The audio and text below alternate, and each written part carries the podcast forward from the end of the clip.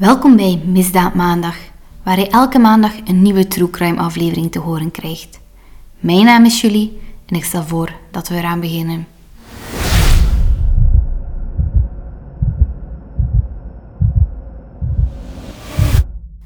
Hallo iedereen. Voordat we beginnen aan de aflevering van vandaag, wil ik het graag even over iets anders hebben. Deze maand heb ik van uitgeverij Klavis het boek De Halszaak van Astrid Witte mogen ontvangen. En maak ik zo dus deel uit van de blogtour van uitgeverij Klavis. Ik wou het even in de podcast over het boek hebben, want het onderwerp past hier eigenlijk wel nog. Nee, het is geen boek over een seriemoordenaar die rondloopt en willekeurige mensen te lijf gaat. Het boek gaat over een ander soort misdaad. Eentje die we nog niet echt kennen, maar wat binnen 100 jaar misschien wel de realiteit zou kunnen zijn. De halszaak gaat over Christy en haar vriend Dave, die euthanasie heeft laten plegen door het bedrijf Lifecycle. Wanneer Christy na de dood van Dave Tim leert kennen, valt er iets vreemd op aan hem. Tim heeft precies hetzelfde litteken op zijn arm, zoals Dave vroeger had. Dave's lichaam werd na zijn euthanasie dus gedoneerd voor transplantatie en de zieke Tim was de gelukkige ontvanger. Tim kan dus met het nieuwe lichaam volop verder leven. Toch begint Christy zich enkele vragen te stellen. Was deze keuze om te sterven wel echt zijn keuze? Zijn er pas niet heel veel mensen die euthanasie laten plegen door het bedrijf? Is het wel legaal wat Lifecycle allemaal doet? Samen met Christie's beste vriend Rodney gaan Tim en zij op zoek naar de waarheid. En de tijd dringt, vooral voor Tim. Er zijn al doden gevallen bij Lifecycle naar transplantaties en ook hij begint zich plots niet meer zo goed te voelen. Zal Christy te weten komen wat er echt met haar vriendje Dave gebeurd is? En zal Tim zijn gevaarlijke avontuur met Lifecycle overleven? De halszaak is een ideale mix van spanning, verdriet en een goede portie misdaad. Het is geschreven voor tieners. Ikzelf ben 25 jaar, dus ging ik op zich wel vlotjes door het boek. Maar ergens weet ik ook dat de 14-jarige ik zou hebben staan popelen om het te lezen. Mocht je dus nog een cadeautje zoeken voor iemand tijdens de feestdagen, of wil je het voor jezelf kopen, dan raad ik je toch wel even aan om een kijkje te nemen op de site van uitgeverij Klavis en misschien lees jij straks ook de halszaak. Oké, dan gaan we nu over naar hetgeen waar jullie eigenlijk voor luisteren, de zaak van deze week.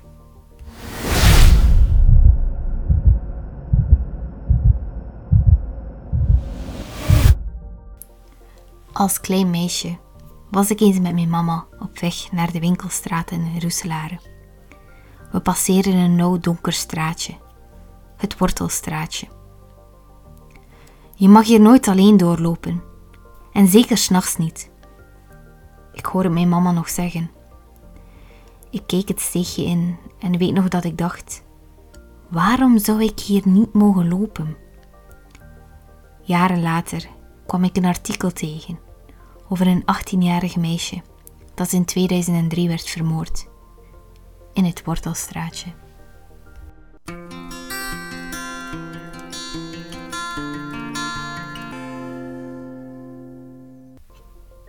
Wanneer Charlotte van Wallegem in de nacht van 8 op 9 maart 2003 haar studentenjob verlaat, vertrekt ze naar de bistro.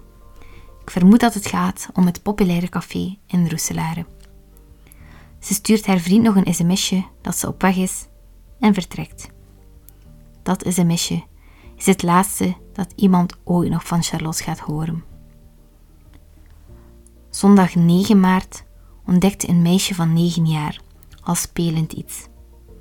Kom eens kijken, papa. Er ligt daar iets raar. Liggend op haar zij, arm onnatuurlijk onder haar lichaam, haar hoofd al blauw. Tussen de containers lag Charlotte, vermoord. Na onderzoek bleek dat ze was gewurgd met haar eigen sjaal. Bijna vier maanden lang bleef de moord op Charlotte onopgelost.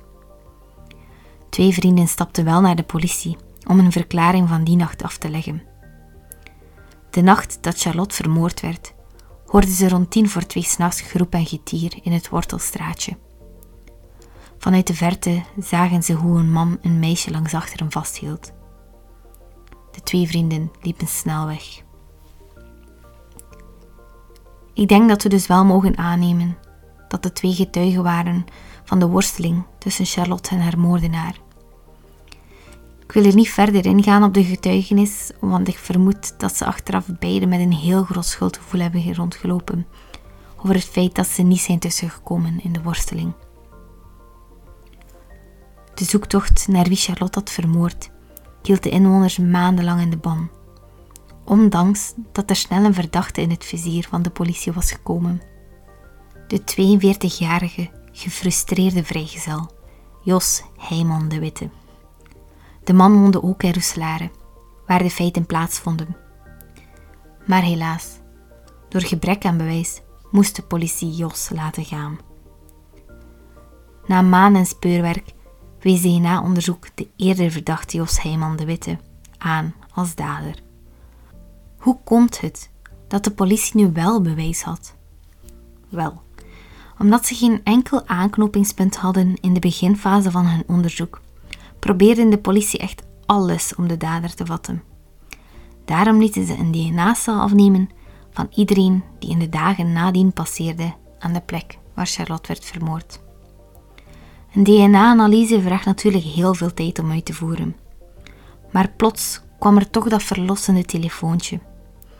Er was een match. Een haar die werd gevonden op de onderbuik van Charlotte matchte met het DNA van een man die enkele dagen na de moord langs de plaatsdelict was gepasseerd. En ja hoor, het haartje die was gevonden was afkomstig van Jos Heijman de Witte.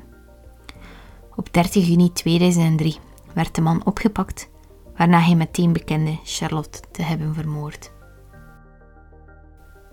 Op vrijdag 21 april 2006, meer dan drie jaar na de gruwelijke feiten, begon in Brugge het assisenproces voor de moord op Charlotte van Wallegem. De beschuldigde Jos hield zijn hele proces vol dat hij Charlotte pas had benaderd toen ze vetzak naar hem had geroepen. Maar zelfs zijn advocaat, Philippe van Hende, gelooft dit niet. Wat de advocaat wel betwijfelt, is dat de man Charlotte echt dood wou. Daarom ging hij voor opzettelijke slagen en verwondingen, zonder het oogmerk om te doden, maar met de dood tot gevolg. Maar het was niet de eerste keer dat de moordenaar van Charlotte in contact kwam met het gerecht. Hij werd al eerder veroordeeld voor zedenfeiten. Voor al deze feiten kon hij telkens rekenen op voorwaardelijke straffen. In 2002 zat hij wel eens drie maanden in de cel. En in de vier maanden die hij nog vrij rondliep tussen de moord op Charlotte en zijn aanhouding, randde hij opnieuw een vrouw aan. Deze keer in Isegem, een kleinere stad gelegen naast Roeselare, waar hij Charlotte had vermoord. Voor die feiten werd hij al veroordeeld voordat het assisenproces voor de moord op Charlotte begon. Om de straf voor de moord op Charlotte te bepalen, hield de jury bij haar beoordeling rekening met de omvang van de feiten, het zware strafverleden van de beschuldigde en het onnoemelijke leed dat hij de nabestaanden van Charlotte aandeed. Jos Heijman de Witte werd uiteindelijk veroordeeld tot 30 jaar cel de maximumstraf. Toch bleven er na het proces nog heel wat vragen nazinderen. Ook bij de familie van Charlotte. Haar zus Sarah getuigde dat het assisenproces emotioneel heel zwaar was. Ze was vooral boos en verontwaardigd waarom de moordenaar van haar zus gewoon niet kon toegeven wat er echt gebeurd was, wat hij echt gedaan had. En waarom hij nog niet in de cel zat met het strafblad dat hij al had. Die laatste vraag bleef ook door mijn hoofd spoken toen ik researcheerde naar de zaak. Hoeveel kansen moet iemand krijgen tot er wordt gezegd: genoeg is genoeg? Deze zaak toont duidelijk dat niet iedereen een tweede kans verdient, maar ook dat niet iedereen klaar is om terug te keren naar de maatschappij. Justitie heeft hier duidelijk gefaald. Ondertussen blijft Jos Heijman de Witte nog altijd in de gevangenis. Zijn advocaat van toen, Philippe van Hende, had na het assisenproces amper nog contact met de moordenaar. Sinds zijn opsluiting diende Heijman de Witte al twee keer een aanvraag in om vervroegd vrij te komen. De laatste keer in 2018. Deze werd gelukkig steeds afgewezen. Wanneer de 30 jaar gevangenisstraf om is, zal de man 75 jaar oud zijn. Mocht je meer willen weten over de zaak, dan kan je gerust wel eens kijken op Google, maar er is niet zo heel veel te vinden. Alles wat ik kon vinden, heb ik wel een beetje in deze aflevering verteld.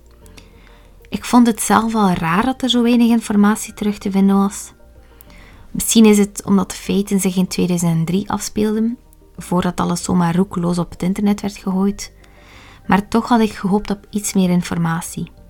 Zeker omdat de moord toch enkele maanden onopgelost is gebleven. Ik wil deze aflevering van de podcast afsluiten met het herinneren van het leven van Charlotte van Wallegem, die veel te vroeg verloren is gegaan. Charlotte had nog een heel leven voor haar. Ook wil ik haar zus Sarah en haar ouders even vernoemen. Hun leven stopte toen Charlotte zomaar van hen werd weggenomen.